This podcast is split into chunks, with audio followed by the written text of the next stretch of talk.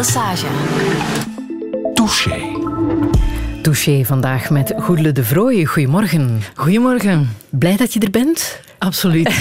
Zelfs op deze autoloze zondag is het natuurlijk niet simpel om Brussel binnen te raken, maar ik vertrouwde erop dat je de VRT zou vinden. Heb ik uiteindelijk ook gedaan. Ja. Journalist ben je, maar ook zorgende moeder. Mag ik dat zo samenvatten? Ja, absoluut. Zo zie jij jezelf ook? Als een groot deel van jouw leven dat je ook zorgende moeder bent? Ja, dat uh, is zeker zo. Ik ben moeder en journalist, maar dat eerste is toch het belangrijkste, vind ik. Ja, moeder. Ja. Hoe gaat het met Quinten nu? Uh, goed. Het was een beetje een moeilijke week. Um, hij had um, heel hoge koorts plots um, deze week. En ja, dan is natuurlijk in deze omstandigheden meteen uh, angst van corona meteen een coronatest gekregen, maar die was gelukkig negatief. En intussen is hij wel veel beter. Het was gewoon een verkoudheid, denk ik. Ja. Maar ja, dat zal de komende maanden nog wel meer gebeuren, vrees ik. En dan ben je extra waakzaam natuurlijk, hè? Zeker in een periode als, als nu. Ja hij, ja, hij was in de week, verblijft hij niet bij mij. Hè. Dan is hij in uh, Bindkracht, een, een uh, opvanghuis dat wij zelf mee hebben opgericht, een ouderinitiatief. En er is natuurlijk heel veel angst daar om corona binnen te laten. Als één kind het heeft, dan zullen ze het vlug allemaal krijgen. Het is een klein huis, een gezin eigenlijk, van, met tien kinderen. Uh, dus we stellen alles in het werk om dat te vermijden, hè, dat het ja. binnenkomt. Dus zodra er iemand koorts heeft of wat symptomen vertoont, ja, dan is het quarantaine. Dan moet hij apart gehouden worden van de andere kinderen. Uh, wat niet leuk is, want uh, onze kinderen begrijpen er allemaal niks van. En mm-hmm. ja, dan moeten die een, zolang uh, testresultaat op zich laat wachten, worden die apart gezet. Um, het is niet fijn. Mm-hmm. Maar goed, we zijn blij vooral dat de test negatief was en dat Ja. we dus voorlopig erin geslaagd zijn om het virus buiten te houden. En Ja. we duimen dat dat zo blijft. Afgelopen week was het professioneel ook, denk ik, een, een drukke week. Want je hebt je Pano-reportage afgewerkt. Die gaat over uh, die lange wachtlijsten in uh, de gehandicaptenzorg. Daar zullen we het zo meteen uh, uitgebreid over hebben. Um, hoe zou jij jezelf omschrijven? Goh, dat is een heel moeilijke vraag. Um, moeder en journalist dus. Een eenvoudig meisje. Uh, dat haar best doet om die twee taken zo goed mogelijk uh, uit te voeren. Wat niet altijd simpel is, omdat het ene in de weg kan gaan zitten van het andere. Iemand die recht door zee is, eerlijk denk ik. Um, soms misschien een beetje emotioneel. Um, gevoelig. En die emotionaliteit kan er misschien ook wel eens toe leiden dat ik iets te snel en te heftig kan reageren. Mm-hmm. Is dat, dat een moeilijke een... combinatie? Een neutrale journalist zijn en gevoelige moeder? um, ja, maar die gevoeligheid, uh, moet ik zeggen, heb ik minder in mijn werk. Um, als journalist slaag ik er wel, denk ik, in om gevoelens opzij te zetten. En om in de wedstrijd heb ik altijd gefunctioneerd zonder um, mijn privésituatie daar, daarin te laten meespelen. En gewoon uh, onpartijdig en objectief verslag uit te brengen. Ik denk dat ik daar altijd redelijk in geslaagd ben. Mm. Ik zag ook ergens een omschrijving van jou, um, de taaie journalisten. Herken je je daarin? Goh. Ja, zeker. Ik zal het als een compliment opvatten. Um, ja. Toch wel. Dank je wel voor uh, wie het ook gezegd heeft. Taaie journalist die nog altijd rookt. Tot op de dag van vandaag? Ja, ja, ja, ik zal dat dan maar meteen eerlijk toegeven. Het is een van de ergste dingen dat je tegenwoordig nog kan doen. Ja. Ik ben er ook helemaal niet trots op.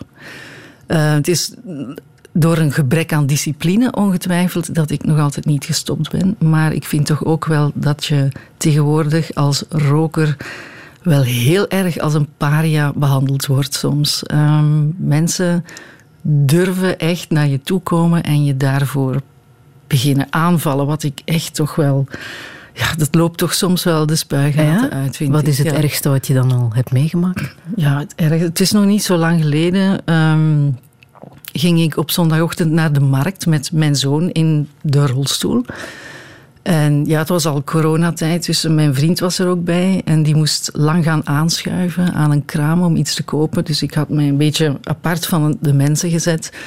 En ik zag dat het een lange rij was, dus dat ik nog lang zou moeten wachten. Het was mooi weer. Mijn zoon was heel gelukkig in zijn rolstoel, dus ik rookte een sigaret. Ehm, die rook kwam absoluut niet in mijn zoon zijn gezicht, want die zit ongeveer een meter lager dan ik. En er kwam een vrouw naar mij toe en die begon mij daarvoor aan te vallen. En te zeggen dat dat echt niet kon en dat zij toch mijn zoon in bescherming moest nemen tegen mij. Ik was zo verbouwereerd dat ik eigenlijk niks geantwoord heb. Maar daarna dacht ik van, is dit in godsnaam mogelijk? Uh, dat mensen het lef hebben om dat te doen. Mm. Waarom rook je? Omdat ik verslaafd ben, zoals elke roker. En al vaak geprobeerd om te stoppen? Zeer zeker, ik ben er heel goed in. maar het is nog niet gelukt. Maar het duurt nooit heel lang, nee. Ja. Blijf je proberen? Ik zal zeker blijven proberen, want ik weet dat het, ja, vroeg of laat moet je stoppen en liefst voor je sterft. En blijf je de goedelen ook zonder sigaret, denk je? Uiteraard. De die je nu bent? Ja, tuurlijk. Dat verandert echt je karakter niet hoor. Het is gewoon een, een verslaving. Ja. Nicotine is het meest, de meest verslavende stof. Hè. Het is verslavender dan heroïne, wordt gezegd. En ik geloof dat. Het is echt heel, heel moeilijk. Mm. je bent ook die ene journaliste die publiekelijk eens zeer goed heeft uh, gevloekt. En uh, dat klonk toen zo.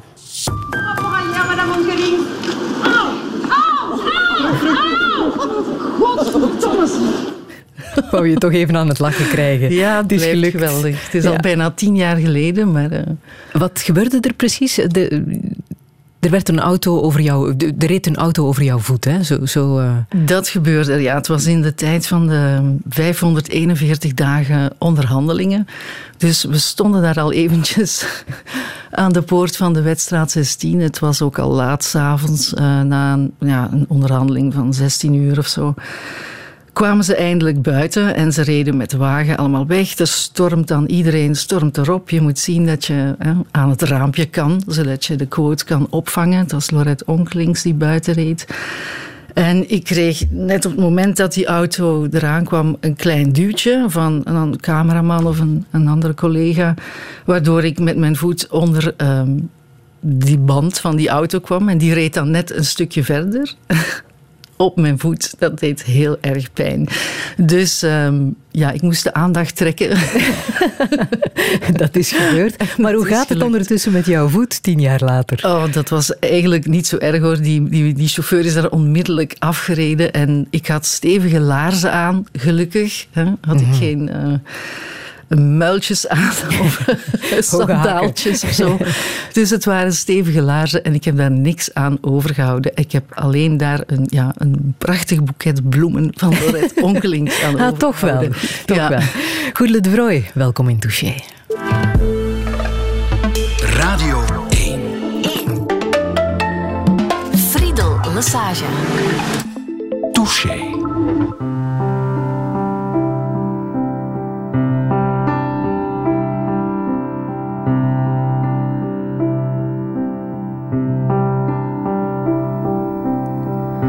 See the child with the golden hair, yet eyes that show the emptiness inside. Do we know? Can we understand just how he feels, or have we really tried? See him now as he stands a children's game. Simple child, he looks almost like the others, yet they know he's not the same. Scorn not his simplicity, but rather try to love him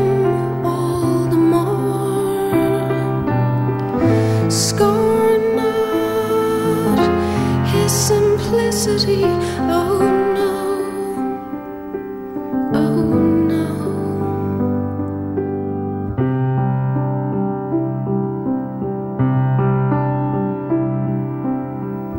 Seems not recognizing the kind face that only yesterday he loved. The loving face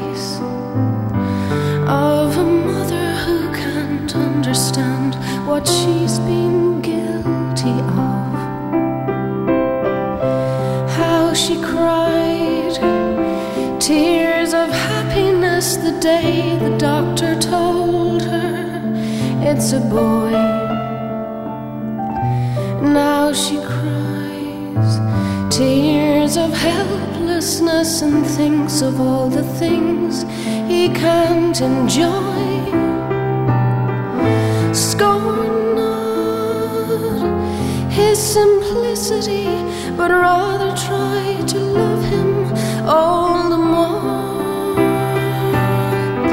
Scorn not his simplicity, oh no.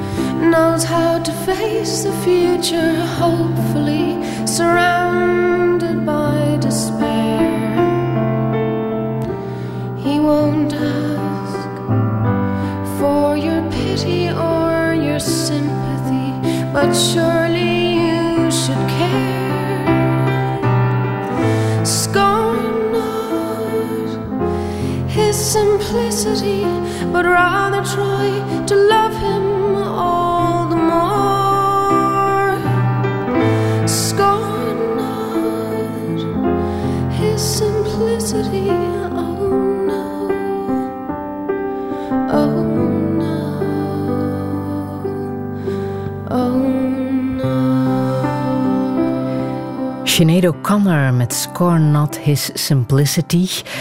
Ik moet erbij vertellen dat het een uh, nummer is geschreven door uh, de Ierse muzikant Phil Koutler. Goele de Vrooi, dit zegt veel, hè? Dit. Ja. ja, je begint wel uh, meteen to the point van dit nummer. Ja, daar, ik kan het nooit droog houden. Ik zit hier weer met de tranen in mijn ogen. Ik heb je gewaarschuwd, ik ben heel gevoelig. Um, ja, dat is er bonk op dat nummer. Hè. Het gaat um, over ja, een kind met een handicap. En wat dat doet. Um, en hoe ja, een oproep om zo'n kind nog veel liever te zien dan een ja, ander kind. Want dat is wat het nummer ook vertelt, hè? minacht ja. hen niet. Minacht hen niet, maar je geeft hen nog veel meer liefde. Nu, dat nummer, uh, dat is van 1998 is dat, uh, uitgekomen. En dat is ook het jaar waarin Quinten, mijn zoon, geboren is. En ja, het was ook niet meteen duidelijk dat, dat hij wat hij had of zo. De kinderarts merkte wel en ik zag aan haar ogen dat zij ongerust was. Maar op dat moment, de eerste maanden, wisten wij nog helemaal niet um, dat er iets zo grondig mis was. En dit nummer, dat werd voortdurend gespeeld in de ja, zo de, de, de gymnastieklessen die je kan volgen na een bevalling om alles weer een beetje op orde te krijgen en die ik volgde.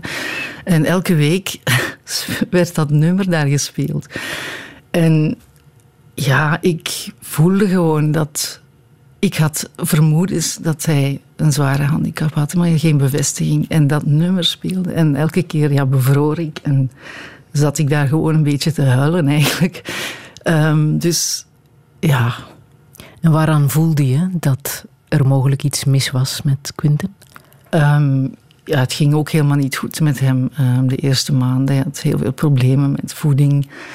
Hij huilde heel, heel hard en heel, heel veel. Sliep heel weinig, dus er was iets mis. Dat was duidelijk, maar um, we wisten niet wat. En de artsen wisten ook niet onmiddellijk wat. Maar je zag de ongerustheid in hun ogen.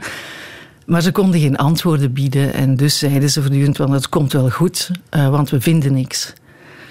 Uh, dat iets niks vinden heeft een vijf maanden geduurd en toen is wel uh, de diagnose gesteld, is het, ah. het, gen, het gene, de genetische afwijking eigenlijk gevonden. Want wat hebben ze toen precies vastgesteld? Wat, wat is er precies met Quinten aan de hand? Hij heeft een chromosoomafwijking. Dus ja, je hebt chromosoomafwijkingen die veel voorkomen, zoals Down-syndroom bijvoorbeeld. Um, maar er zijn miljoenen andere mogelijke chromosoomafwijkingen en die zijn allemaal uniek eigenlijk. Um, en ja, Quinten heeft zo een, een afwijking. Mhm. En hoe was het voor jou om, om dat te horen op dat moment? Ja, dat is een hamerslag. Um, dat is heel zwaar. Ja. Het is ook een beetje knullig dat ons die boodschap gebracht is. Ja, ja um, het is het Centrum voor Menselijke Erfelijkheid in, in Leuven dat uiteindelijk de diagnose gesteld heeft. Maar um, die hadden niet meteen tijd om die ook mee te delen. Dus die hadden, omdat wij zo vaak ook in Gasthuisberg kwamen met allerlei problemen die hij had, ook uh, maag-darmproblemen, hadden ze gezegd aan de uh, maag-darmspecialist van geef jij de boodschap al maar en dan zullen wij over een paar weken meer uitleg geven. Uh, maar die arts die had dat heel erg geminimaliseerd. Die had gezegd van ja, er is een afwijking in de chromosomen gevonden, maar niks om je zorgen over te maken. Je moet je slaap daar niet voor laten en over twee weken mag je op consultatie bij het Centrum voor Menselijke Erfelijkheid. Dus wij hadden dat ernstig genomen. We waren wel heel ongerust. Maar wij dachten, ja, die arts heeft gezegd, het is niks om je zorgen over te maken. Dus hadden wij toch niet verwacht dat dan het wel zo erg zou zijn. En ja, toen die consultatie bij menselijke erfelijkheid, die prof dacht dat wij al heel goed ingelicht waren. Dat wij de draagwijte van die diagnose kenden, wat niet het geval was. En dus die kwam naar binnen met in zijn gevolg een hele hoop uh, studenten, buitenlandse studenten. En dus hij onder, hij nam Quinten uh, vast en hij begon in het Engels eigenlijk les te geven. En te tonen aan zijn studenten van hoe je kon zien dat dit kind um, een chromosoomafwijking had. De subtiele kenmerken in de nek en andere dingen. En ja, wij zaten daar en toen pas beseften wij wat er aan de hand was. En dat was niet zo'n fijne manier om dat te vernemen. Ze hebben zich daar ook uitgebreid voor verontschuldigd. Maar, uh, Weten ze de oorzaak? Hoe, hoe kom je aan zo'n afwijking? Ja, de oorzaak ben ik. uh, niet dat ik daar iets aan kan doen, maar uh, hij heeft dat eigenlijk van mij geërfd. Uh, ik heb eigenlijk ook een afwijking in mijn chromosomen. Twee stukjes chromosoom zijn van plaats veranderd bij mij nu. Dat heeft geen gevolgen voor mijn gezondheid, maar ehm, als je een kind krijgt, dan ehm, bleek dus dat ik ongeveer ja, 50% kans heb dat dat kind zo'n handicap heeft. Maar dat wist je niet nee, toen je zwanger werd? natuurlijk niet. Nee, nee. En ja, mijn hele familie is dan onderzocht en ik bleek de enige te zijn die dat heeft. Dus dat is bij mij ontstaan ja, door de eicel of de zaadcel waaruit ik geboren ben. Daar zat een foutje in. Mhm. Een schrijffout van de natuur. Ja. 98, toen was de NIP-test nog niet uh, terugbetaald. Die Wel bestond nog niet. Hè? Bestond nog niet nee, zelfs. bestond nee. niet. Nee, er waren toen heel weinig eh, manieren om afwijkingen op te sporen. Je kon een vruchtwaterpunctie laten doen, dan, dan zochten ze naar Down-syndroom. Maar dat is bij mij niet gebeurd, want die zwangerschap was perfect normaal en dat kind zag er perfect normaal uit. Had je ehm, die NIP-test gewild? Toen? Tuurlijk. Um, ik denk dat bijna iedereen die nu doet, ik zou dat ook gedaan hebben. Tuurlijk. Er zijn nu veel meer mogelijkheden om zulke dingen op te sporen.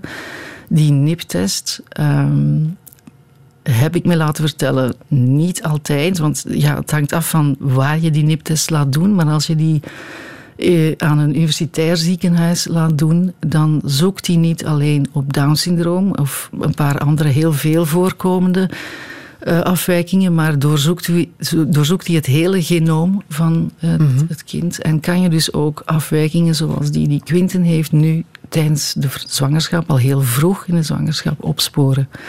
Uh, twintig jaar geleden was dat niet mogelijk. Dus. Maar dan blijft nog de vraag, denk ik, wat zou je doen? Stel dat je weet wat er met je kind aan de hand is voor de geboorte. Als je tijdens de zwangerschap vertellen van um, jouw kind zal heel zwaar mentaal gehandicapt zijn, zal ook fysiek mogelijk uh, allerlei dingen niet kunnen, dan denk ik niet dat er veel mensen zijn die gaan zeggen: Ja, ik kies daarvoor, laat maar komen. Dat doe je gewoon niet. Ik zou dat ook niet gedaan hebben. Mm. Mm. Heb jij je schuldig gevoeld? Wel het feit dat dan gezegd wordt van ja, die genetische afwijking ligt bij jou. Ehm, ja, is dat een schuldgevoel? Je, je, kan daar natuurlijk helemaal niks aan doen, maar dat voelt toch niet goed. Mm je, bent enerzijds wel blij dat, het, dat de oorzaak gevonden is. Hè? Dat je niet moet afvragen hoe, ja, waarom gebeurt dit. Ja, het is duidelijk waarom het gebeurd is. En je kan er niks aan doen, maar ja, het is geen fijn gevoel. Nee. Je voelt je toch verantwoordelijk. En uh, je, je denkt op bepaalde momenten toch van... Ja, had ik dat maar geweten, hè? had ik dat maar geweten, dan, dan had ik geen kind gewild. Want dat risico zou ik nooit willen nemen hebben. Mm.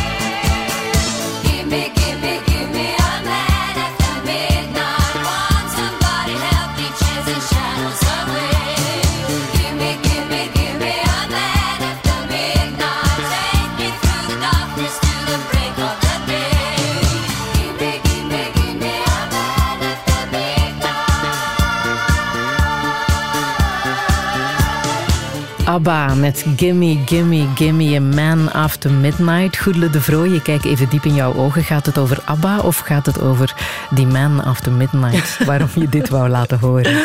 Het gaat over ABBA in de eerste plaats. Ja. Dat was mijn eerste muzikale liefde toen ik jaar of tien was of zo. Mijn eerste LP, dat was Voulez-vous van ABBA. En ik vind ABBA nog steeds fantastisch. En uh, ja, terwijl dat vorige nummer kan mij altijd de tranen in de ogen geven. En van ABBA krijg ik een grote smile op mijn gezicht. Want ik vind dat zo'n vrolijke muziek. Dat kan mij altijd opvrolijken. En ja, ik ben geen grote danser. Maar als ABBA speelt, dan ga ik dansen. Je hebt nu wel stilgezeten, Goedele. Ja, ik zat toch te wiebelen op. Een heel klein beetje. Maar toen je tien was, kwam eh, ABBA bij jullie binnen. Was er veel muziek uh, ten huize de Vrooie? Ehm, ja, wij zijn, waren een groot gezin. Ehm, ik ben de zesde van zeven kinderen. Ehm, dus de jongste bijna ook. Uh, dus ik had een hoop oudere zussen uh, die al in hun puberteit waren. En toen ik een klein kindje was. Dus die speelden muziek uh, heel de dag. En ja, daar heb ik wel veel van gehoord. Maar ABBA was wel mijn eigen ontdekking hoor. Want ik denk, ABBA, dat vonden mijn oudere zussen maar niks. Die, uh, die hadden toch wel een andere smaak. Dat was voor hen disco en dat verafschuwden ze, denk ik. Ah, tussen die zussen was er ook één zus die extra zorg nodig had, hè? Uh, ja, mijn, de, het tweede kind, de tweede dochter van mijn ouders, had ook een heel zware handicap. En ja, die woonde niet thuis hoor. Die was al Zoals dat toen ging, um, van haar vier jaar um, naar een instelling, zoals dat heette. Een instelling ook heel ver van huis, in Gent. Uh, wij woonden in, in Leuven, dus... En zoals dat uh, toen ging, um, mijn moeder had geen enkele keuze. Hè. Er waren toen geen dagopvang of zo voor een gehandicapt kind. Dat dat bestond allemaal niet. Zij had maar één keuze en dat is dat kind naar de nonnekes brengen. Hè. Want het waren toen nog de nonnekes in de jaren 50 die de zorg uh, voor um, gehandicapte kinderen op zich namen. En ze moest dat daar gaan afgeven. Ze mocht niet eens mee binnenkomen en je mocht één keer per maand een paar uur op bezoek komen. Dat was alles. Mm -hmm. Dus ja, ik, ja, ik ben ook veel jonger. Hè. Ik heb dat nooit geweten dat mijn zus thuis was. Ik was toen nog niet geboren. En het enige wat ik daarvan weet is dat ik meeging. Um, één zondag per maand reden wij naar Gent en gingen wij bij haar op bezoek. En wat weet je daar nog van, van die bezoekjes aan je zus?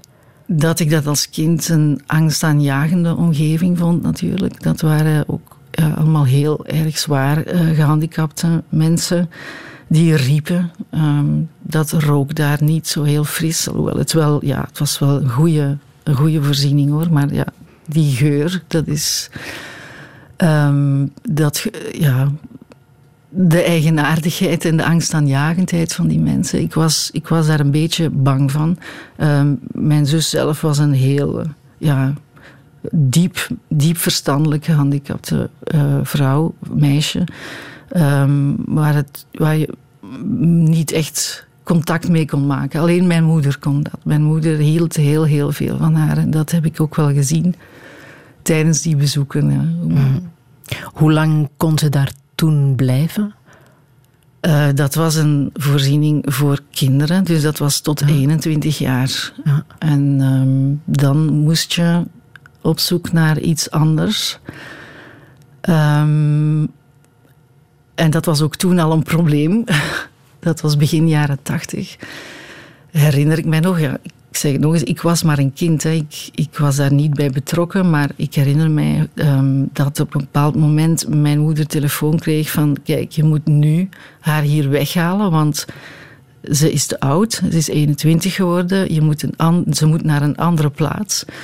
En mijn moeder zocht, maar ja, ze, vond, ze vond dat niet onmiddellijk. Er was ook toen ook geen internet, dus ik weet ook niet hoe ze dat moest aanpakken.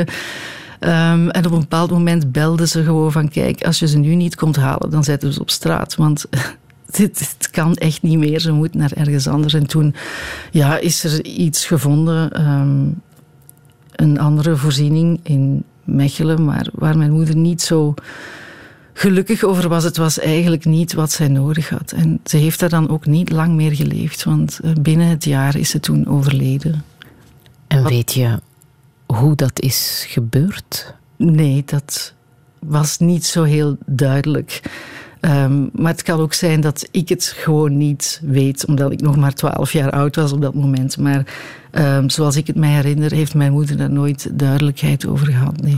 Hebben jullie daar dan ook nooit over gesproken later? Wat ja. daar precies is gebeurd? Ja, je, je weet het gewoon niet. Hè. Op een bepaald moment kreeg mijn moeder gewoon een telefoon van ja, uw dochter is overleden. En, dat en was er was sprake van een ziekte, een korte ziekte, maar... Mm. Je spreekt over je moeder.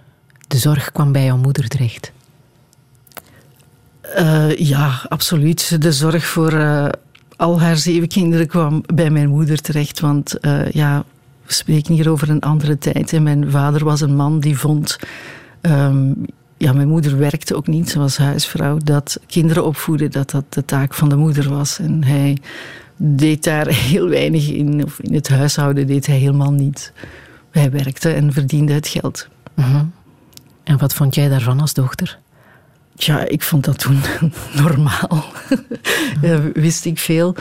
Uh, pas daarna um, ben ik daar meer over beginnen nadenken. En ja, vond ik dat ja, wel erg voor mijn moeder. Dat, uh, ja, dat dat ja, mijn moeder was eigenlijk een, een vrouw die gefrustreerd was, omdat ze eigenlijk wel heel verstandig was, maar nooit de kans heeft gehad om te studeren of om een job te hebben. Toen ik journalist werd, zei ze tegen mij van, ik ben eigenlijk zo jaloers op jou, want wat jij doet, dat is iets dat ik ook graag gedaan had. Mhm. Ehm, de enige, wat, wat kon een vrouw doen in de jaren 50? Ehm, ja, trouwen, kinderen krijgen. En ja, ze heeft er dan ook een, hoop gekregen. um, omdat dat haar enige manier was om iets te betekenen in de maatschappij, toch? En dat, dat is heel erg. We, we vergeten hoe kort dat, dat nog maar geleden is dat vrouwen zelfs niet mochten werken eenmaal ze getrouwd waren. Mm. Zeker niet als ze kinderen hadden. En hoe was het voor haar om uh, te horen dat haar dochter ook een kind met een handicap had? Dat was heel erg. Um, ze is lang in ontkenning gegaan. Uh, zij bleef beweren van...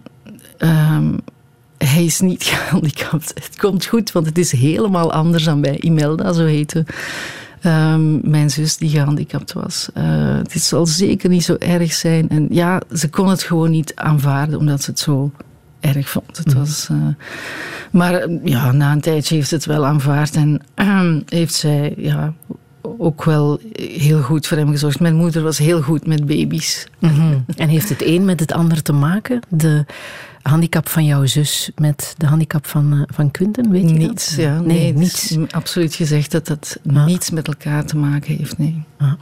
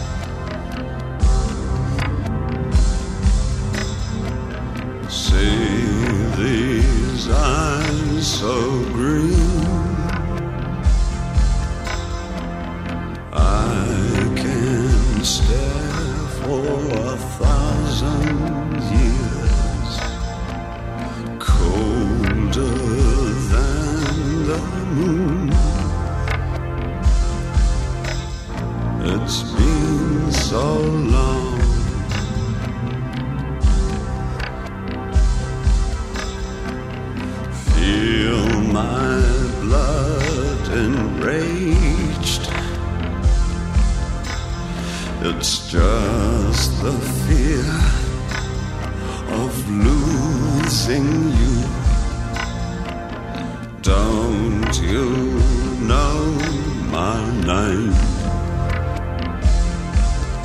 Well, you've been so long, and I've been putting on fire. Will castle?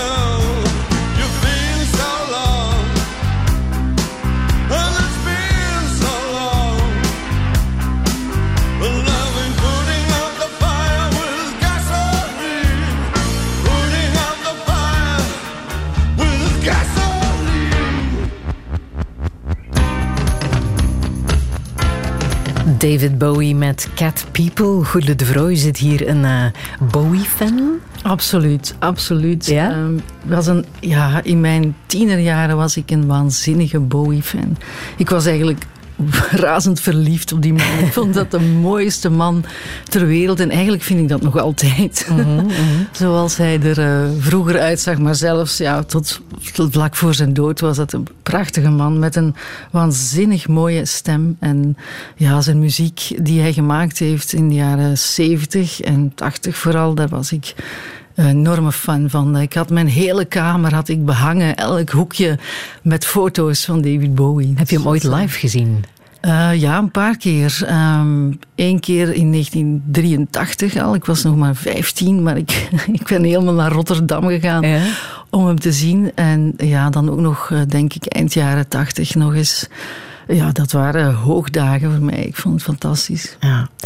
Goedele, je bent uh, gaan studeren in Leuven, Germaans uh, gestudeerd, um, waar je je thesis uh, hebt geschreven over onder andere waarom mannen hun gesprekspartner sneller onderbreken dan vrouwen. Klopt dat? Ja, absoluut. Je hebt je research goed gedaan. Ja, ik heb een. ik heb vooral taalkunde gestudeerd en ehm, sociolinguïstiek was het vak waarin ik uh, mijn thesis gemaakt heb. En dat ging over seksenverschillen in taalgebruik. Um, en vooral over uh, gesprekstechnieken. Wie heeft het overwicht in een gesprek? Wie bepaalt het gespreksonderwerp? Wie onderbreekt wie? En daaruit bleek toch dat vrouwen en mannen een heel andere communicatiestijl hebben. Als vrouwen ondersteunen elkaar meer in, en bevestigen elkaar meer, gaan niet ruwweg over iets anders beginnen. Mannen doen dat voortdurend. Is dat iets wat je nu nog gebruikt, die kennis, als je interviews doet of een kort statement van iemand wil? Dat ja, 30 seconden mag duren. Je kan het niet echt zo gebruiken, maar je kan het toch altijd wel vaststellen dat dat ah. zo is. Dat uh, mannen veel assertiever zijn in gewone gesprekken. Ja, ik vind het toch nog altijd zo, ja. Ah, je hebt van taal je vak gemaakt hè, in de journalistiek. Um, begonnen bij Studio Brussel en dan overgestapt naar de nieuwsdienst, waar je eerst heel even op de buitenlandredactie hebt gezeten en dan verhuisd bent naar uh, de politieke Heel even, het was wel redactie. zeven jaar hoor. Toch zeven jaar, ja. ah ja, ja oké. Okay. Um, die politieke redactie, ja, dat is een fascinerende redactie, denk ik. Hè.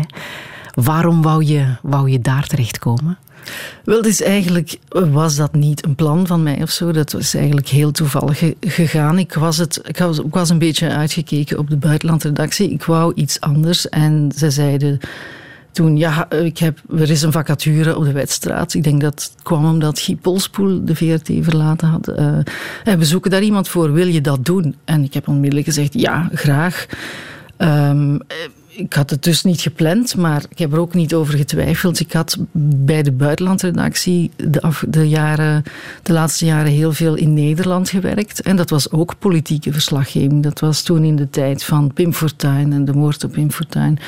Dat was ook politieke verslaggeving en ik deed dat heel graag. Dus en, maar ik wou meer in het binnenland blijven, ook omwille van, van Quinten, dat het reizen toch wel moeilijk was. Uh, ook al was het dan maar naar Nederland, niet ver. Maar uh, ik wou in Brussel blijven en ja, dat, dat kwam eigenlijk perfect uit. Want... -hmm. En was wedstraatjournalistiek dan makkelijker te combineren met, met jouw leven? Uh, ja, omdat je elke avond wel in je eigen bed kan slapen, was dat makkelijker. Ja. Maar natuurlijk, uh, de wedstraat, dat is geen 9-to-5 job ook niet. Hè. Dus uh, onderhandelingen en zo, die dingen waar je heel veel tijd in moet steken, die hebben de vervelende neiging om vooral s'avonds en s'nachts en in het weekend te gebeuren. Dus heel simpel is dat nooit geweest. Hè. Maar je moet niet meer reizen of heel, heel weinig. Ja. En, en die drukke dagen zijn er nu ook weer. Hè. Er wordt uh, weer laat uh, onderhandeld en gepraat met elkaar. Op dit moment werk je even voor de Pano-redactie, dus je bekijkt ja. het van op afstand. Kijk je er anders naar? Volg je het anders? De manier waarop we nu naar het schijnt op 1 oktober een regering zullen, zullen hebben? Ja, wie, wie. Je lacht nu al. Uh, ja, ik ben heel benieuwd of het gaat lukken. Hè. Ze hebben zich wel een heel scherpe deadline gesteld. Dat zal niet simpel zijn, maar ik denk inderdaad dat ze niet kunnen falen. Dit, uh, dan, ja, dan zijn het verkiezingen, denk ik. Alle opties zijn nu wel uitgeput. Kijk ik er anders naar? Ik heb er nu naar gekeken, zoals uh, iedere burger. Ik heb het natuurlijk wel op de voet blijven volgen, want blijft toch een beetje ja, een verslaving. Je wilt toch wel weten hoe het evolueert, maar ja, heel veel is er niet gebeurd hè, sinds de verkiezingen. Ehm, je kon, het, kon toen al zeggen van ja, het is paars-geel of het is paars-groen. Paars-geel zal heel moeilijk zijn, want N-VA en PS moeten dan uh, een akkoord vormen. Dat zal heel moeilijk zijn. En dan is het gewoon wachten tot CD&V en Open VLD zichzelf zullen opofferen hè, om dan toch maar een regering uh, met de groenen te maken. En ja, dat is wat er dat is kort samengevat wat we de afgelopen 16 maanden gezien hebben. Hè. Nu zijn we op het punt dat ja, het zal moeten blijken of Open VLD en CD&V zich inderdaad willen opofferen om een regering te maken waar ja, de Vlamingen uh, waar er geen meerderheid voor is eigenlijk aan Vlaamse kanten. Maar het is weer heel erg moeilijk gegaan. Als jij daar even met uh, een, een open blik naar kijkt, wat, wat is dat toch het wezen van de politicus? Wat is dat? Waarom is dat zo moeilijk? Dat ligt niet aan de politicus. Dat ligt niet aan de mensen die dat proberen te doen. Dat ligt aan de structuur van ons land dat het zo moeilijk is.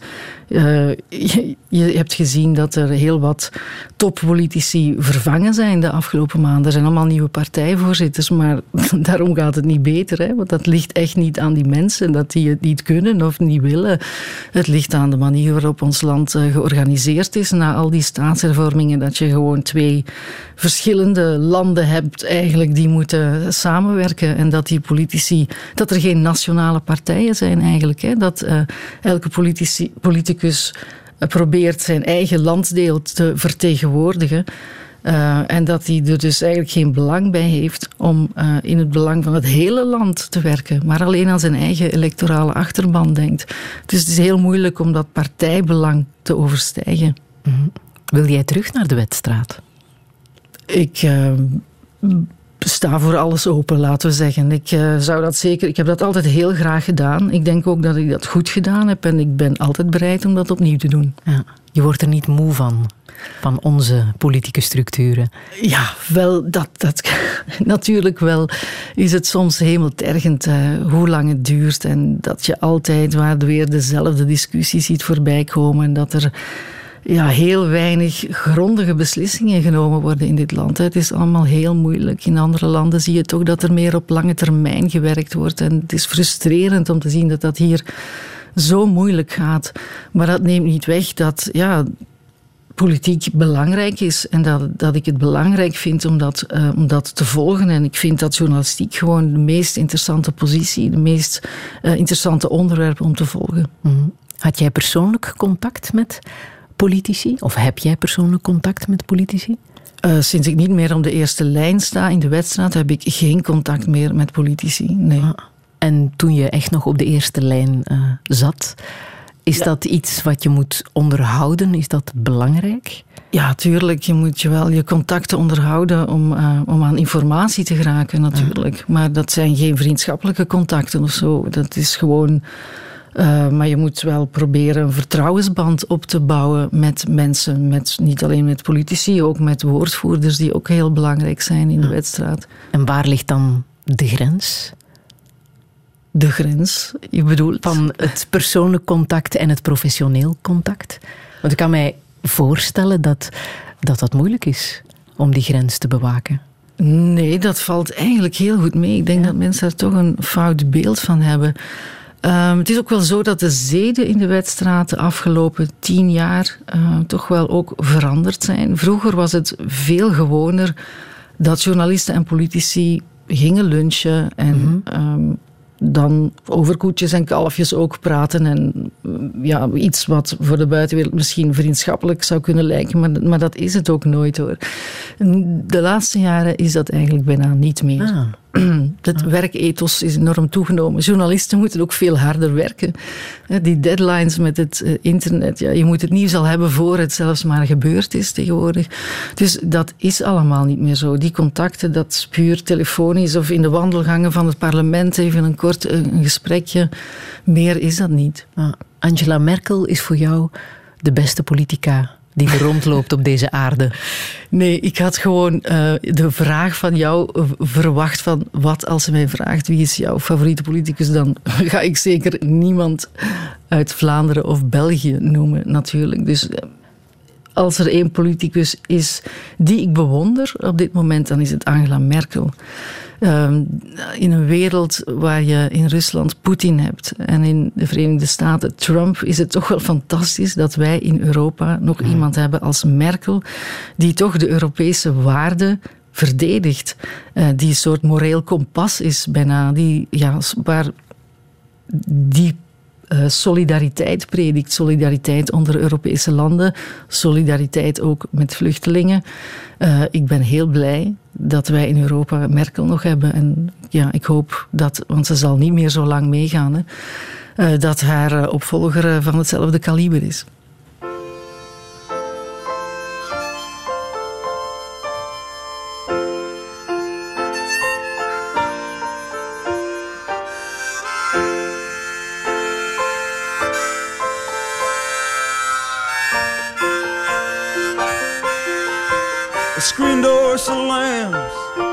Mary's dress waves.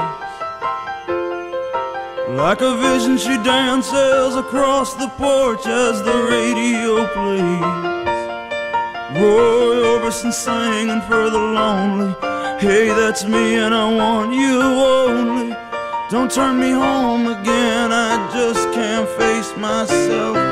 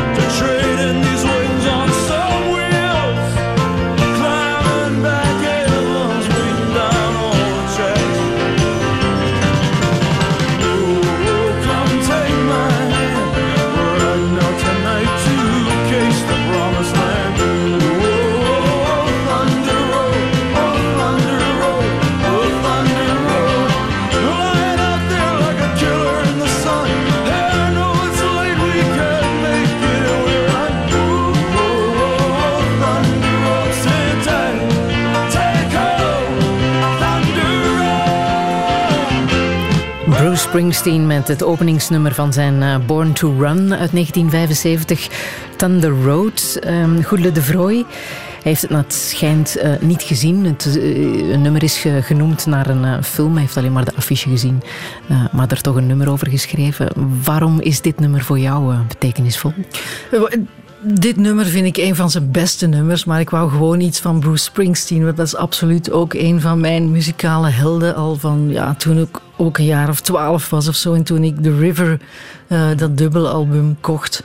Um, Bruce Springsteen is vooral fantastisch live natuurlijk. Ik heb hem twee keer live kunnen zien. En die concerten, er is toch geen enkel concert dat zulke energie opwekt en zulke ja, gemeenschapszin bijna. Dat is bijna een, een priester die daar vooraan staat en ja, een, een geweldige ja, samenhorigheid uh, kan opbouwen in zo'n concert. En een, een energie die, die ja, zelfs op een wei als Werchter, waar dan 60.000 man staat, die tot helemaal de achterste rij gaat.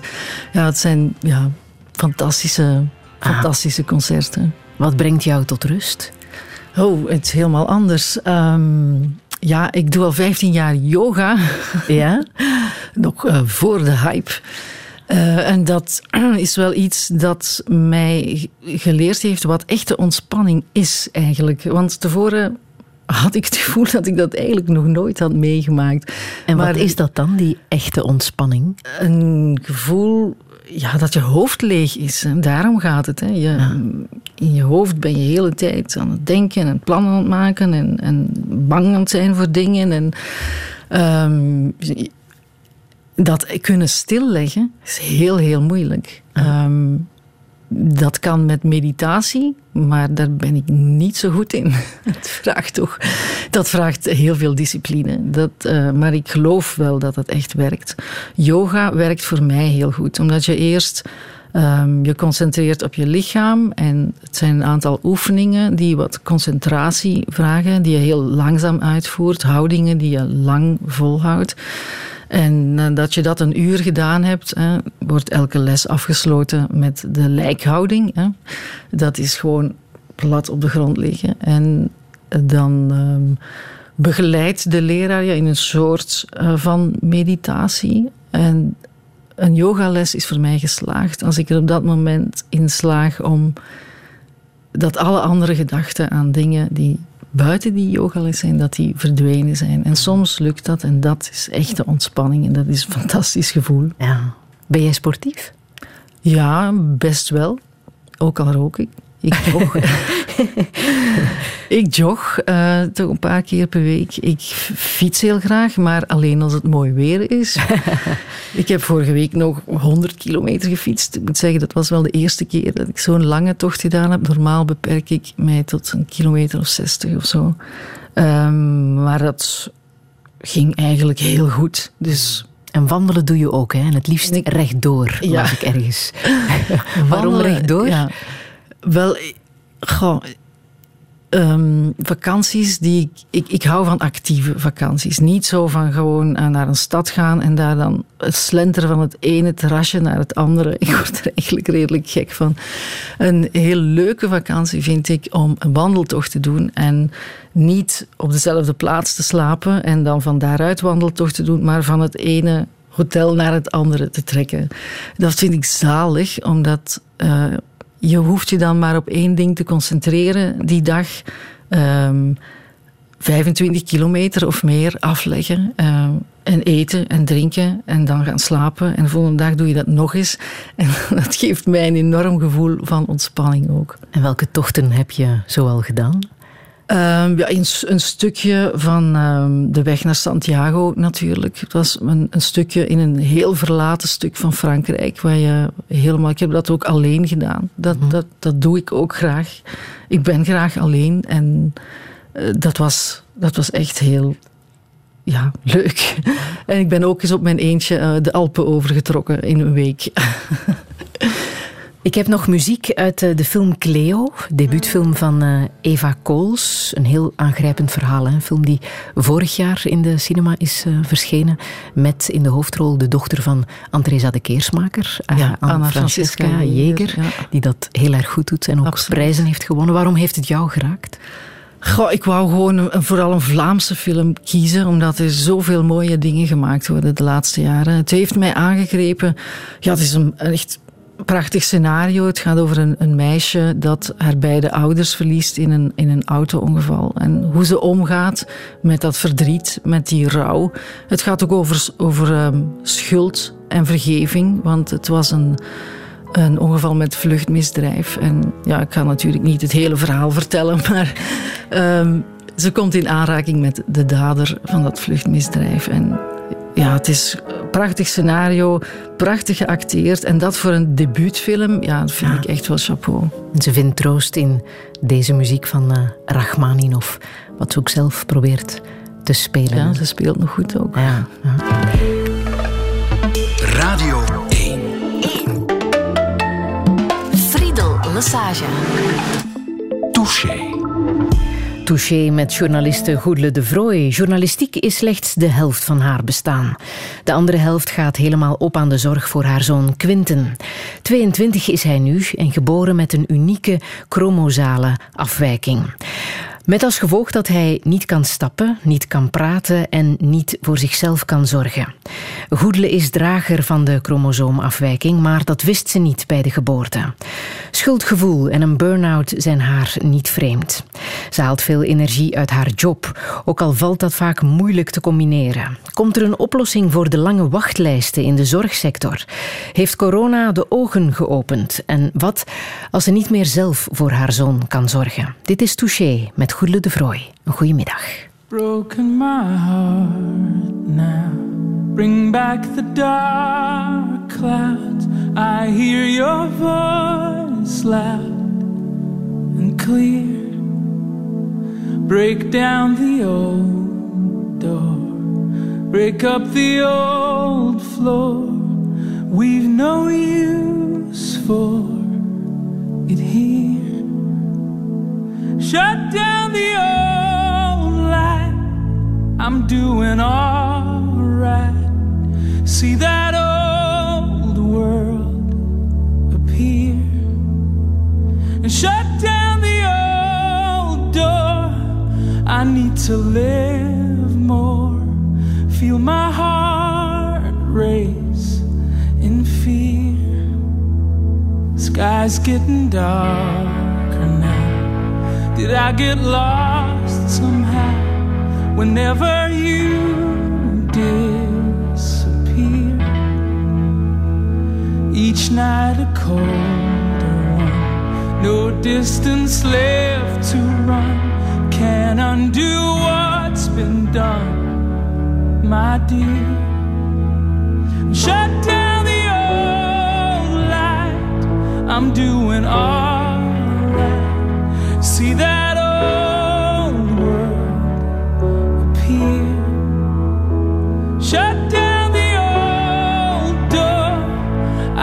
To live more. Feel my heart race in fear.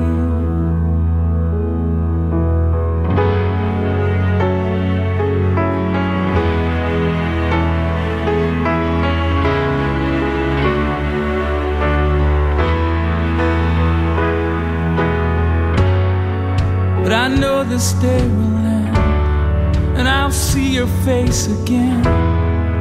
My world becomes a sad place. How cruel your shadow falls against these barren walls, lost in a cold stance. Slow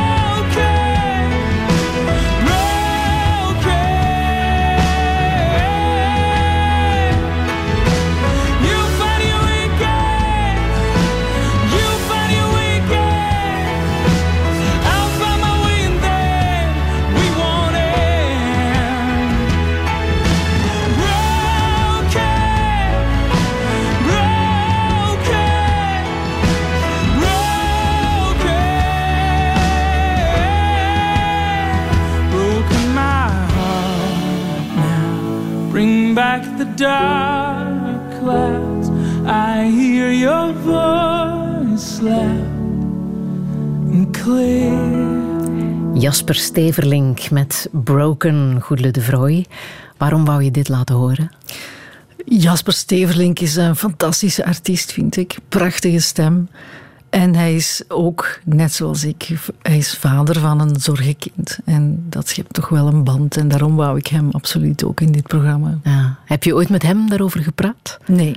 Nee. Ik heb hem ook nooit ontmoet. Eén Misschien keer komt dat nog. in de zevende dag. En, maar ik heb hem toch niet durven aanspreken erover. Omdat ja, ik ook wel weet. En ik, ik, ik heb dat ook niet graag dat mensen je daar voortdurend op aanspreken. Soms wil je dat ook wel eens vergeten. Hè? Dat je een zorgenkind hebt. Ja. Maar nu even niet. Hè. Nu wil je er misschien wel extra over aangesproken worden. Want ehm, begin eh, woensdag begint eh, het nieuwe seizoen van Pano met een reportage van jou over die ellenlange wachtlijsten in eh, de zorgsector. Je hebt daarvoor een oproep gedaan hè, naar mantelzorgers, naar mensen die zorgen voor een kind met een handicap. Hoe waren de reacties toen je die vraag de wereld instuurde? Ja, het was gewoon een oproep via mijn eigen persoonlijke Facebook-account. Ik heb daar heel veel reacties op gekregen. Ik heb tientallen mails gehad van mensen die hun verhaal wilden doen over hoe lang ze al op die wachtlijst staan en wat dat voor gevolgen heeft in hun leven. Hè. Van, ehm, ja, je zit eigenlijk een beetje. Veel mensen zijn zo geïsoleerd geraakt doordat ze die zorg voortdurend moeten opnemen en daar veel te weinig hulp bij krijgen. Mensen die ja, hun werk hebben moeten opzeggen uh, of maar heel weinig meer kunnen werken, geen sociaal leven hebben, um, in de problemen komen met je gezondheid, burn-outs. Mm. Um, ja, de verhalen zijn niet moeilijk te vinden, helaas. Ja. Woensdag is jouw reportage te zien, maar ik heb al even mogen kijken. Wat me opviel, um, is dat het allemaal heel warme mensen zijn. Ja, het zijn mensen die gedreven worden door liefde. Hè? Want ja, ze staan voor grote uitdagingen. Je moet er dag en nacht staan voor je kind. Uh, dat stopt nooit. En dat kan je alleen volhouden um, als je enorme liefde voelt. Hè? Mm. Dat is de motor van die mensen en dat zie je ook. Mm. Maar ze zijn allemaal even genadeloos over die ellenlange wachtlijsten en uh, dat is te horen. Wij vieren straks ons tienjarig bestaan op de wachtlijst. Tien jaar, stel u voor. En men slaagt er nog altijd niet in om u een prognose te geven. Een idee van wanneer dat je aan de beurt bent. En dat is, dat is onbegrijpelijk. Dat is, dat, is, dat is niet alleen onbegrijpelijk, dat is gewoon, uh, ja, ik zou bijna zeggen, misdadig. Touché. Dit is maar een van de vele noodkreten die te horen is in jouw uh, reportage. Goedele, misschien moeten we even de, de situatie uh, uitleggen, hè, herschetsen. Uh, hoe het zover is kunnen komen met, met die wachtlijsten. Ja, die bestaan al heel lang, minstens twintig jaar. Maar die groeien elk jaar aan. Ook al ehm, verhoogt de Vlaamse regering ook wel altijd de budgetten voor gehandicaptenzorg. Maar ze verhoogt die niet genoeg om de groei van de wachtlijsten te kunnen afremmen. Um, op dit moment zijn er 20.000 mensen in Vlaanderen die wachten op zorg waar ze recht op hebben. Hè. Dus ze hebben al een goedkeuring, hebben een hele procedure doorlopen uh, die behoorlijk streng is en waarin de overheid zegt van ja, jij hebt recht op zoveel zorg. Maar helaas, dan krijgen ze allemaal dezelfde brief. Helaas heeft de overheid op dit moment geen geld om u ook dat budget uit te betalen. Dus je komt op de wachtlijst. 20.000 mensen, um, 16.000 mensen bij de volwassenen en 4.000 kinderen staan op die wachtlijsten. En soms jarenlang. Um, dat loopt tot 20 jaar. Hè. Soms sommige mensen wachten al twintig jaar. Ja. Je hebt het um, uh, PAB en het PVB. Ja.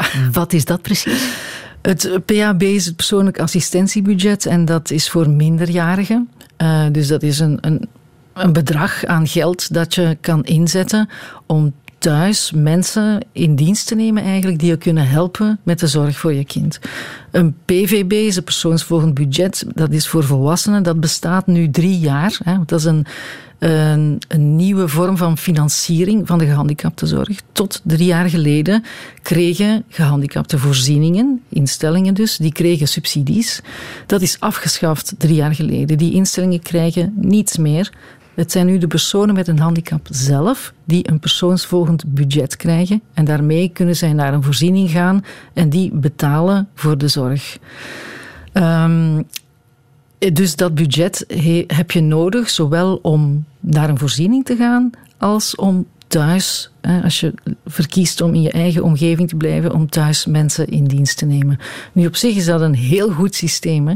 Bestaat trouwens in de, de meeste van onze buurlanden al langer dan bij ons. En de bedoeling daarvan is om mensen met een handicap meer vrijheid te geven en meer autonomie. Dat zij niet allemaal automatisch in een voorziening moeten gaan leven. Dus dat is vanuit de vraag van mensen met een beperking zelf dat, dat die hervorming er gekomen is. En dat uh, het is ja, minister Van Deurzen geweest die die heeft ingevoerd. Dus dat is op zich een heel goede zaak. Hè? Want mensen uh, kunnen nu kiezen om, om thuis hun eigen zorg uh, te voorzien. Maar natuurlijk, uh, het geld moet er zijn. Hè? Het, het systeem is, uh, blijft door de letter. Die autonomie, die vrijheid blijft door de letter. Als je natuurlijk dat budget niet krijgt en uh, op een wachtlijst gezet wordt voor je hebt geen idee hoe lang. Hè? Want dat is wat, wat, wat ook de quote die je net liet mm -hmm. horen. Dat is wat mensen eigenlijk het ergst vinden. Ze vinden het misschien niet zo erg dat ze even moeten wachten. Maar het moeilijke is dat je geen enkel perspectief hebt. Je weet niet hoe lang dat gaat duren. En dat weegt heel zwaar. Quinten stond ook op een wachtlijst. Hè? Ja, zoals iedereen heeft hij ook uh, moeten aanschuiven om een budget te krijgen. Um, bij ons heeft dat uiteindelijk maar vier jaar geduurd, wat wat eigenlijk heel snel is. Uh, maar dat neemt niet weg dat dat toch een heel zware periode is, juist door die onzekerheid. Als de overheid zou kunnen zeggen van kijk, je moet drie jaar wachten, hm, dan kan je je leven daar ook op organiseren. Hè? Dan kan je daarop instellen en dan weet je van over drie jaar zal het anders zijn. En dan kan je ook voorbereiden van hoe ga ik dat budget inzetten. Uh, nu, het kan evengoed nog tien jaar duren. Hè? En dat is emotioneel heel uitputtend, hè? die onzekerheid. Uh, tijdens de corona-lockdown vond ik het toch wel heel opvallend dat al na een paar weken lockdown de overheid dingen begon te zeggen als van God, het begint toch zwaar te wegen voor de mensen en we moeten hen toch perspectief geven wanneer ze weer hun vrienden zullen kunnen zien, wanneer ze weer op café zullen kunnen gaan. Dus ja, dat moest ik toch enorm mee lachen, want voor mensen met een beperking geldt dat recht op perspectief blijkbaar helemaal niet. Hè? En dan hebben we het niet over een paar weken niet op café kunnen gaan, maar dan hebben we het over jarenlang wachten op levensnoodzakelijke zorg waar ze recht op hebben. Mm. Afgelopen maandag was er in de coronacommissie de getuigenissen van ouders met uh, kinderen met een uh, handicap om uh, te horen hoe zij die voorbije zes maanden hebben beleefd. Die um, getuigenissen waren ook niet mals. Hè?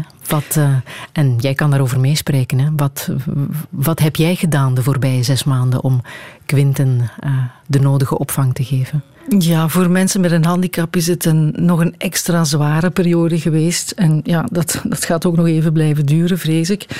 Um, iedereen met, uh, die in een voorziening verbleef of die naar een dagopvang ging, uh, kreeg op 13 maart de keuze van ofwel blijf je hier, niet in dagopvang, want die gingen allemaal gewoon dicht, maar mensen die in een voorziening residentieel verblijven, van ofwel blijf je hier, ofwel ga je naar huis en er zal geen weg terug zijn. Die keuze zal blijven gelden zolang die lockdown um, van kracht is. En in het begin werd gedacht dat dat een, een maand of zo zou zijn. Uiteindelijk zijn dat tien weken geworden, minimum. En voor veel mensen heeft het zelfs nog veel langer geduurd.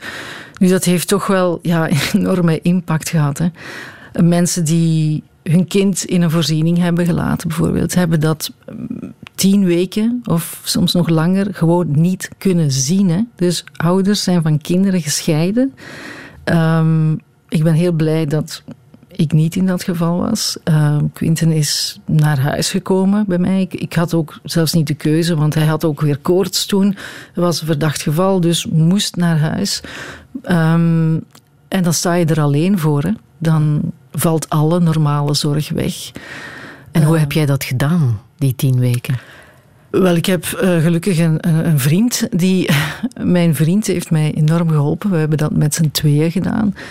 Uh, dat is behoorlijk pittig, hè? want ja. het is zeven Want wat kwam er dan ineens bij jou terecht wat je anders uh, van hulpverleners krijgt? Wel, normaal gezien de laatste drie jaar verblijft Quinten tijdens de week in, in Bindkracht, hè, in een voorziening. En is hij alleen in het weekend thuis. Um, Nu ja, moet je dat zeven dagen op zeven doen, dag en nacht. Hè. Dat, ja, gewoon, dat is het moeilijkste. Hè. Dat, je, dat dat nooit stopt. Uh, dat je voortdurend met hem bezig bent. Je kan eigenlijk zelfs met z'n tweeën heel weinig andere dingen doen. Eigenlijk niks.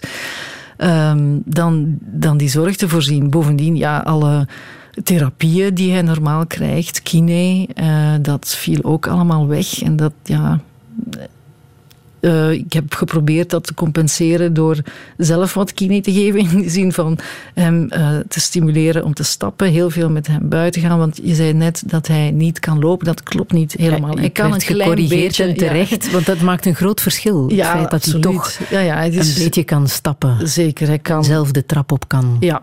En hij is niet volledig rolstoelgebonden, wel buiten, want hij kan geen lange afstanden stappen. Uh, maar je moet dat ook wel voortdurend onderhouden. Um, hij moet ook elke dag in verschillende orthopedische toestellen geplaatst worden om hem te dwingen om recht te staan, wat hij op zichzelf eigenlijk niet kan. Dat gebeurt met een sta-apparaat. Hij heeft uh, een, ook een apparaat om zijn benen in strek te houden gedurende een bepaalde tijd, wat ook nodig is om zijn spieren te verlengen. Dus ja, al die zorg, dat hebben we dan zelf gedaan. Hè. Mm-hmm. Heeft corona iets blootgelegd? Denk je dat er uh, nu anders zal omgegaan worden met die wachtlijsten? Dat er een versnelde oplossing zou kunnen komen? Uh, als dat eens zou kunnen. Ik, het is mij wel opgevallen uh, tijdens die zitting in het Vlaams parlement dat de parlementsleden heel erg onder de indruk waren van de getuigenissen van die, die twee moeders die daar uh, zijn komen spreken. En dat. Um, ja, ik heb daar toch wel hoopgevende dingen gehoord. Nu, ze zeggen al twintig jaar, alle politieke partijen zeggen al twintig jaar, ja, die wachtlijsten, dat is een schande en we gaan dat oplossen. Vooral hè, als de verkiezingen eraan komen, zeggen ze dat. Maar dan zijn de verkiezingen achter de rug, dan wordt er een regeerprogramma gemaakt en dan blijkt dan toch maar weer dat het niet super prioritair was, want dat de budgetten die ervoor uitgetrokken zijn heel onvoldoende zijn. Nu had ik toch wel de indruk, um, de bewoordingen waarin ze de wachtlijsten veroordeeld hebben, uh, kamerbreed, hè, van groen tot Vlaams Belang, eensgezind waren nog sterker dan ze dat vroeger deden. Um, ik heb een parlementslid van Open VLD, van een regeringspartij dus, horen zeggen dat het moet stoppen met die wachtlijsten, dat er een plan moet komen om dat op te lossen. Dat zijn dingen die mij hoopvol stemmen. En ja, corona heeft er zeker toe bijgedragen, omdat um, de zorg heel erg op de voorgrond is gekomen. Het is ook fantastisch dat, uh, dat er een zitting is geweest in het Vlaams parlement waarin uh, mensen met een handicap en hun omgeving konden komen uitleggen um, hoe zij eronder geleden hebben. Dat is al fantastisch. En ik hoop dat er nu toch een, een ja, meer besef is van dat ook die mantelzorgers helden van de zorg zijn. Hè? En dat zij ook ondersteuning verdienen. Mm.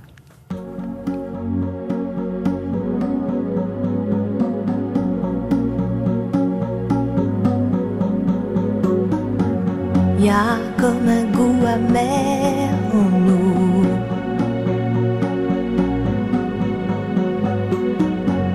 Comme un goût de poussière dans tout. Et la colère qui nous suit partout. Y a des silences qui disent beaucoup.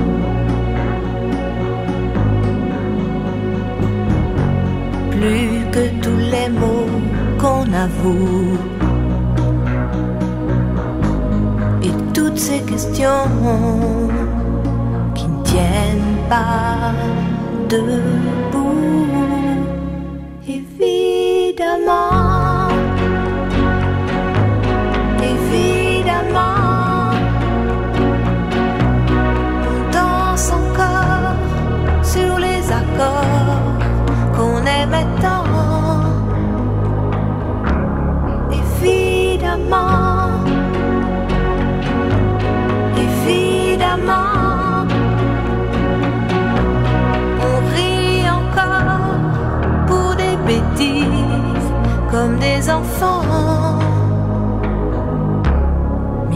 comme avant.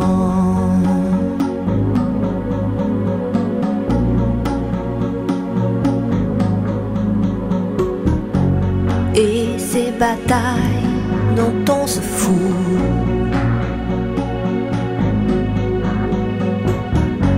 C'est comme une fatigue, un dégoût. À quoi ça sert partout On garde cette blessure en nous.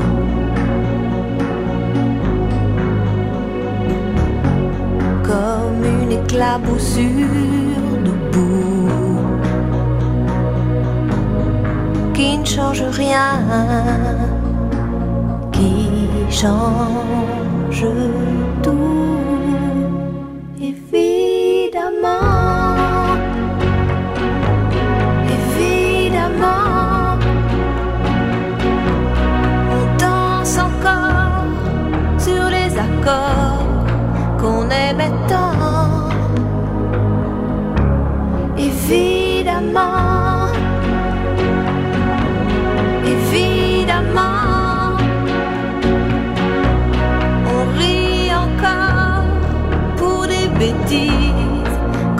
Enfants,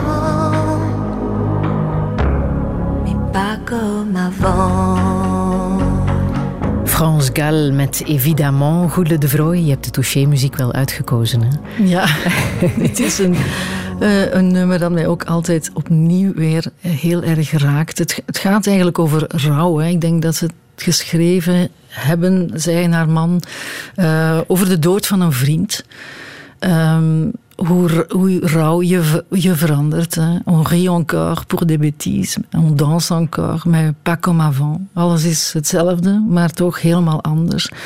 Ehm, dat is een nummer waar ik ook veel naar geluisterd heb eh, toen Quinte nog jong was. En ik voelde, ja, ik voelde mij ook zo. Ehm, ik ben nog altijd dezelfde goedele, maar ik ben niet meer dezelfde goedele, want ik ben iets kwijt. En dat is zorgeloosheid. Het besef van, ik ga voor de rest van mijn leven eigenlijk nooit meer zorgeloos kunnen zijn. Zorgeloos gelukkig. En dat is ook zo. Dat is ook niet meer zo. Je kan nog wel gelukkig zijn, natuurlijk wel. Maar niet meer zoals vroeger. Mhm. En kan jij dan omschrijven wat jou gelukkig maakt? Ehm, wat mij gelukkig maakt is dat mijn zoon gelukkig is. Ja. Als hij ehm, gezond is, en daarmee bedoel ik vrij van ziekte, en lacht en vrolijk is, eh, dat is voor mij 90% van mijn geluk. Ja. Dan- En waaraan zie je dat hij gelukkig is? Eh, hij is een heel extravert persoon. In die zin, je, je kan alles van zijn gezicht aflezen. Hè. Hij, hij, hij lacht, hij, hij toont zijn vrolijkheid. Eh, als, hij, hij- als je hem gewoon wakker maakt, s ochtends in bed, dan begint dat met een enorme lach. Dus als hij zich goed voelt, dan, dan zie je dat ook. Ja, als hij zich slecht voelt, helaas ook. En dan moet je de zoektocht beginnen naar wat scheelt er. Want hij kan het natuurlijk niet uitdrukken. En dus, dat is altijd wel moeilijk. Maar wanneer alles goed gaat, dan, dan zie je dat ook. Want taal is er inderdaad niet. niet. Hè? Nee. Welke taal gebruiken jullie om te communiceren? Oh, ik praat gewoon tegen hem. Hij, ehm, hij, hij begrijpt mij niet, maar hij, hij, je legt wel contact op die manier. Hè. En hij, hij maakt geluiden die ook heel duidelijk maken of hij boos is of blij is. Dus die, die, die leer je wel interpreteren. Hè. Maar dat en de fysieke taal? De fysieke taal, hoe, hoe De doe je dat? Ja, je knuffelt zo'n kind heel veel. Hè? Ah. En ehm, hij vindt dat soms leuk en soms niet, want hij heeft ook wel heel erg een eigen wil. Hè? Dus Ja? het is geen ehm, knuffeldiertje dat alles zomaar zich laat welgevallen. Hè? Hij weet heel goed wat hij wil en wat hij niet wil en hij laat dat ook merken. ja. En merkt hij ook als het met jou niet zo goed gaat? Dat denk ik niet. Nee, nee dat denk ik niet. Dat hij dat eh, oppikt. Je hebt een burn-out gehad. Hè? En dat is ook iets waar zowat alle eh, mensen in jouw pano eh, over praten. Dat ze bang zijn om in een burn-out terecht te komen of het al hebben meegemaakt. Eh, dat blijkt aanwezig te zijn bij zowat al die ouders. Ja. Hoe heeft het zich bij jou gemanifesteerd? Ja, ik wil toch wel eerst heel even duidelijk zeggen dat een burn-out geen depressie is. Hè? Dat dat echt iets helemaal anders is. En ik kan het weten, want ik heb ze allebei meegemaakt. Dus ehm, en ik wou ook nog even zeggen, in Nederland is er onlangs een onderzoek gebeurd naar burn-out bij ouders van gehandicapte kinderen. En 60% van de ouders van gehandicapte kinderen zegt een burn-out te hebben of gehad te hebben. En dan wil ik er ook nog even bij zeggen dat er in Nederland geen wachtlijsten zijn. Dus je moet niet vragen. Ehm, dat, dat vraagt heel veel van een mens. hè. Continue zorg. En dat is levenslang. hè. Dat is niet een paar jaar, maar levenslang. Eh, hoe heeft zich dat bij mij gemanifesteerd? Doordat op een bepaald moment, ehm, na heel veel eh, ziektes, ja, gewoon verkoudheden, hè, dat soort. eh, ik was op de duur bijna continu verkouden. Maar je werkt door. Hè. Je, je komt, je, mijn werk als journalist, je zorgt voor je kind, je gaat altijd maar door, want dat is toch wat de mensen van je verwachten en dat moet gewoon. En op een bepaald moment ehm, kwam er een luide pieptoon in mijn oren. en dat was zo'n beetje ja, wat mij over de rand deed gaan. Zeker, dat was de druppel die de emmer deed. Oh, Plots kon ik niets meer, niets meer. Ik kon ja, geen, geen kilometer meer stappen. Ik kon geen krant meer lezen. Ik kon geen geluid meer verdragen. Het, ja, gewoon zo overstrest en zo oververmoeid dat je lichaam je dwingt om te stoppen en te rusten. En die tinnitus, ja, die, dat is ook wel iets waar je voor de rest van je leven mee zit. hè. Daar ben is- je niet vanaf. Nee, eh, dat is wel heel veel beter. Hè. Het is zeker leefbaar. Je, je, je leert ermee omgaan ook. Ik kan hem ook wel onder controle houden door ervoor te zorgen dat ik genoeg slaap. Dat is heel belangrijk. Als ik een paar nachten te weinig geslapen heb, dan wordt het luider. Dan weet je dat je rust moet nemen. Ehm, ja, dus die tinnitus en ja, negen maanden thuis gezeten. Hè. En als je zegt, er is echt een verschil tussen een depressie en een burn-out. Ik kan het weten, want ik heb ze allebei gehad. Ja. Wanneer heeft de depressie zich dan gemanifesteerd en hoe anders was dat? Eh, ja, dus een burn-out is echt lichamelijk. Hè? Dus, je, je wil nog wel doorgaan, maar ja, je lichaam zegt stop, het gaat gewoon niet meer. Een, een depressie is een stemmingsziekte. Je bent depressief, je bent zo ongelukkig dat je wil doodgaan. Dat is een depressie. Maar er is eigenlijk lichamelijk niks mis met je, maar je hebt gewoon de moed niet meer om verder te gaan. Eh, dat is veel langer geleden. Dat, was, ja, dat had te maken met het, het verwerkingsproces van ehm, de handicap van Quinten. Ik heb daarmee geworsteld. Ehm, ik wilde ook heel graag een, ander kind, maar dat is ook niet gelukt. En dus ik had, zat met twee rouwprocessen tegelijk eigenlijk. En men, ja, je gaat toch door en je probeert ermee te leven, maar op een bepaald moment eh, was het mij toch gewoon te veel. En ik, ik kon niet meer verder. Nee. Ik was heel, heel depressief. Ja. En waarom wou je een tweede kind? Ja, je wilt een gezond kind. Hè? Je wordt niet zwanger met de bedoeling om een gehandicapt kind op de wereld te zetten. Dus je wil dat dan goed maken. Dat kan natuurlijk niet, maar compenseren door toch een, een ander kind te hebben dat, dat wel gezond is. Dat is wel een tijdje een, echt een obsessie ook geweest. Van ik moet dat absoluut hebben, want anders kan ik het niet aan. Ehm, en ja, dat lukte dan niet. Dus dan moet je daar ook mee leven en die, die droom opbergen en aanvaarden dat het niet voor jou is. En is dat een compensatie? Want je kent heel veel lotgenoten. Hè? Ehm, is dat voor mensen een compensatie als ze naast hun kind met een handicap ook nog een gezond kind hebben? Compensatie is misschien niet het, het beste woord ervoor, maar ehm, ik denk wel dat dat je helpt om ehm, contact te blijven houden met de niet-zorgende wereld. Ja. Je hebt, als je ook een, een kind hebt dat naar school gaat en dat opgroeit, dan heb je veel meer sociale contacten met andere mensen. Dat heb ik niet gehad. Je zit meer, eh, ja, toch meer geïsoleerd van, van de gewone wereld waar mensen gezonde kinderen hebben.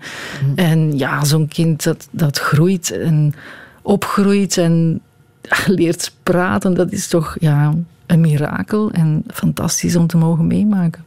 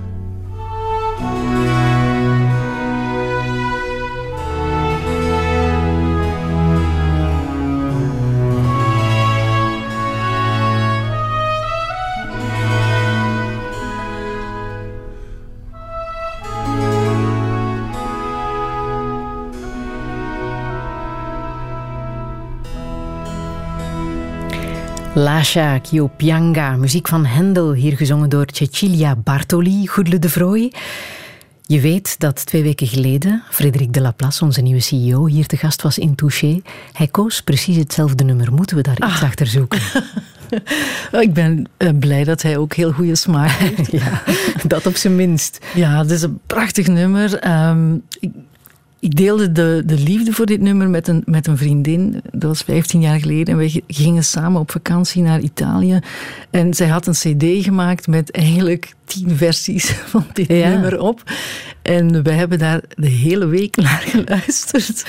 Geloof het of niet, maar ik associeer dat nummer daardoor met zomer in Italië en vakantie. En het is eigenlijk een droevig nummer. Hè? Het een opera, Laat mij huilen, betekent het eigenlijk de titel. Ehm, maar eh, mij doet het denken aan vakantie, zomer, eh, eh, geluk in Italië.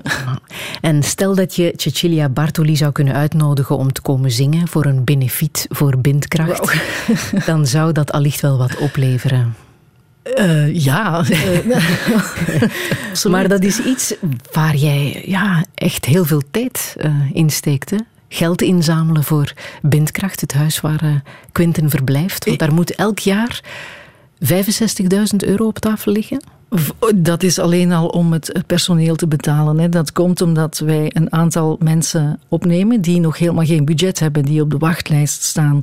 In een gewone voorziening, die doen, die doen dat niet. Hè. Zonder budget kom je niet binnen. Een ouderinitiatief is in die zin ehm, uniek dat wij werken vanuit solidariteit. We zijn solidair met de mensen die nog geen budget hebben.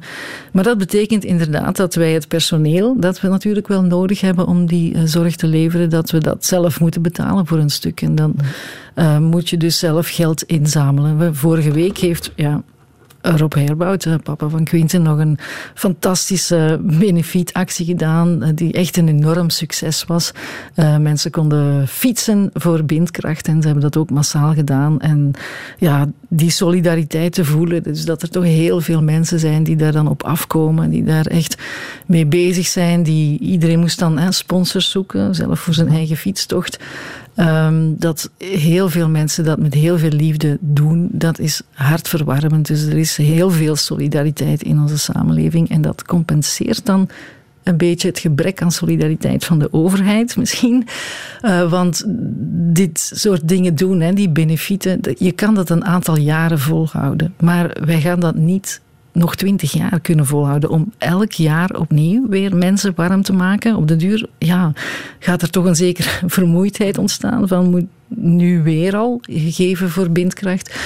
Eigenlijk ja, is het de overheid die haar kerntaak hier niet vervult. Ehm, en dus we kunnen dat een aantal jaren blijven volhouden, maar uiteindelijk moeten al die mensen die bij ons zijn en die nog op de wachtlijst staan, die moeten gewoon hun budget krijgen. Want hè, dat we dan solidariteitsacties doen en benefieten doen voor wat extra's. Hè, voor eh, bijvoorbeeld een, een busje te kunnen kopen eh, om op uitstap mee te gaan, dat, dat vind ik normaal. Maar niet voor de basiszorgkosten, voor, om het personeel te betalen. Hè. Dus die, die budgetten. Ehm, dat is eigenlijk puur een investering in jobs. Dat wil ik toch nog ook even duidelijk zeggen. Dat is geen geld eh, dat mensen met een beperking gebruiken om hun huur of hun eten of hun uitstappen te betalen. Nee, dat gaat hier puur om personeelskosten. Als eh, de overheid geld uitgeeft aan ja, ik zeg maar wat, onlangs was het nog op het nieuws. Uh, we hebben nieuwe F-35's gekocht, gevechtsvliegtuigen. En die moeten ook nieuwe hangars krijgen. En er komt, uh, komen wat hangars in Vlaanderen en wat in Wallonië natuurlijk. Dat kost dan wel wat meer. Maar dan wordt gezegd van ja, maar dat kost wel veel. Maar dat, dat zijn allemaal jobs hoor. Uh, dat wordt dus gecompenseerd. Er zijn terugverdieneffecten. Waarom wordt dat nooit gezegd als het over gehandicaptenzorg gaat? Dat is geld dat 100% naar jobcreatie gaat. Hè?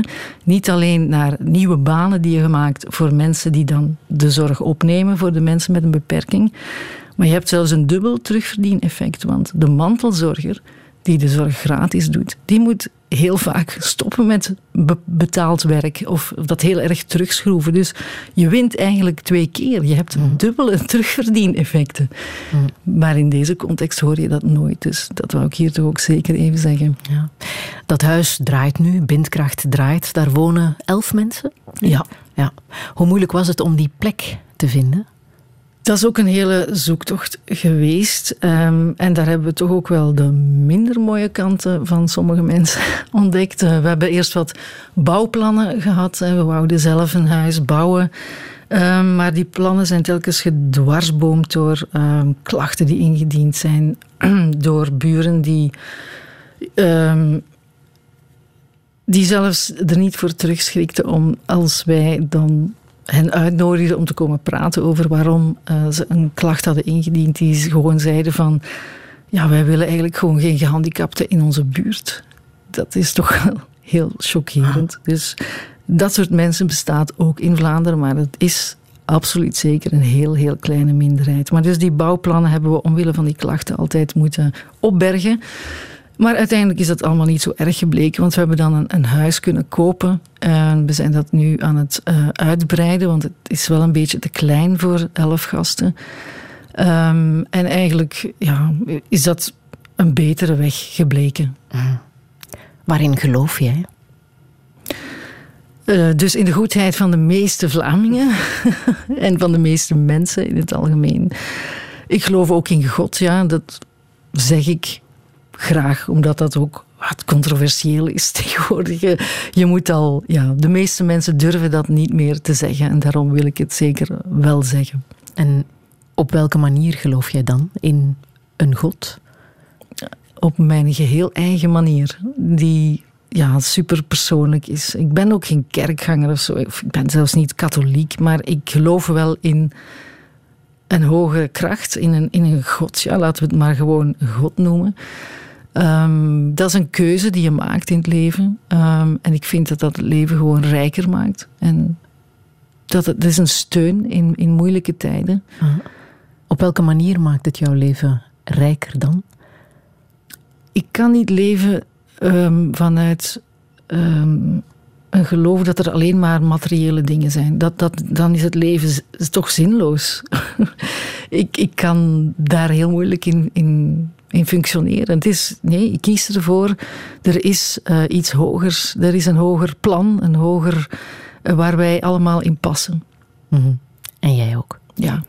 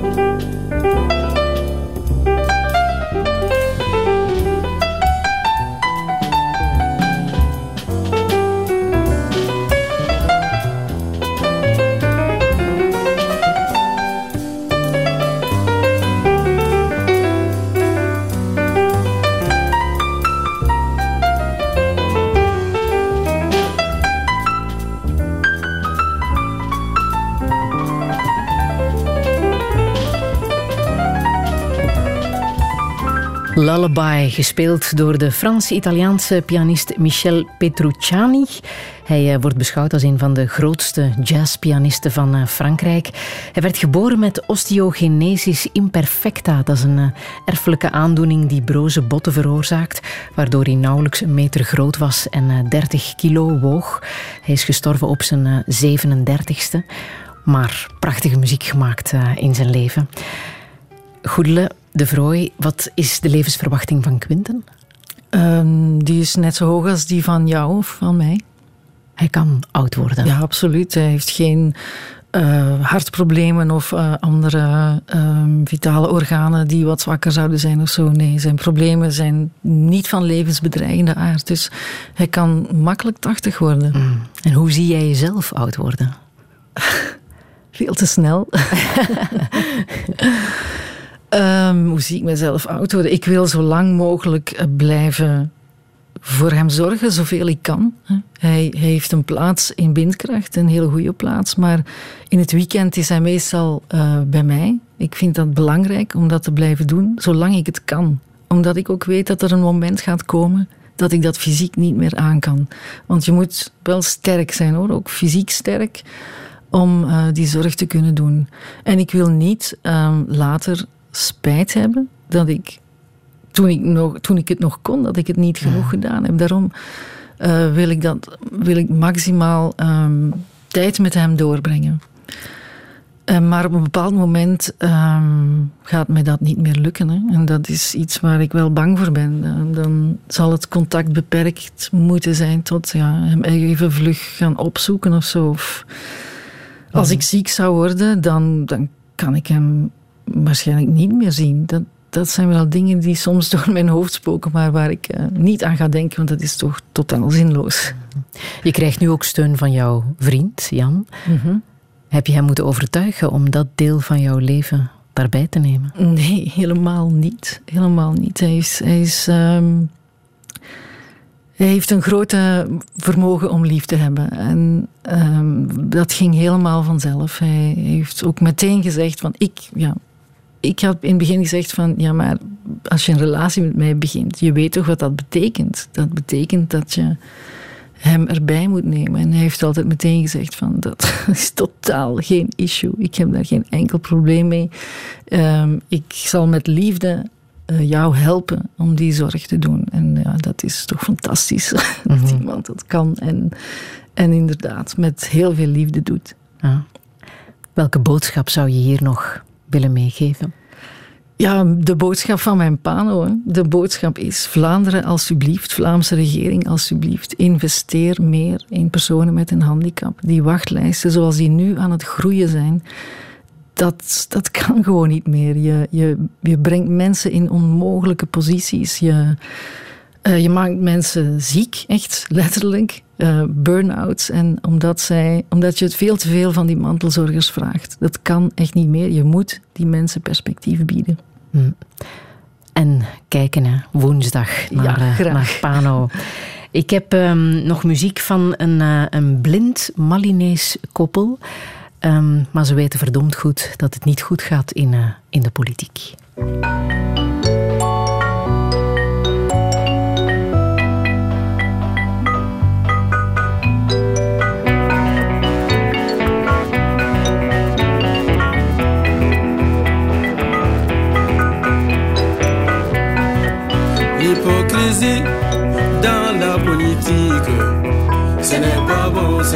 Bon, nous n'en voulons pas. Démagogie dans la politique.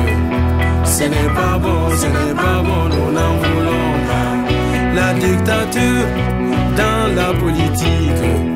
Ce n'est pas bon, ce n'est pas bon, nous n'en voulons pas.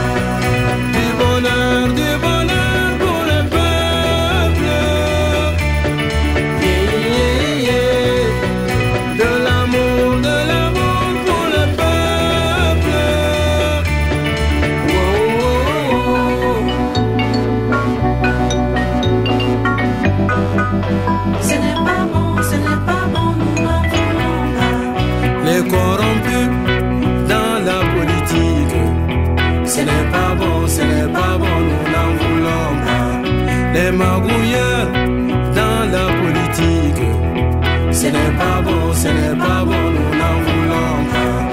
Les dictateurs dans la politique, ce n'est pas bon, ce n'est pas bon,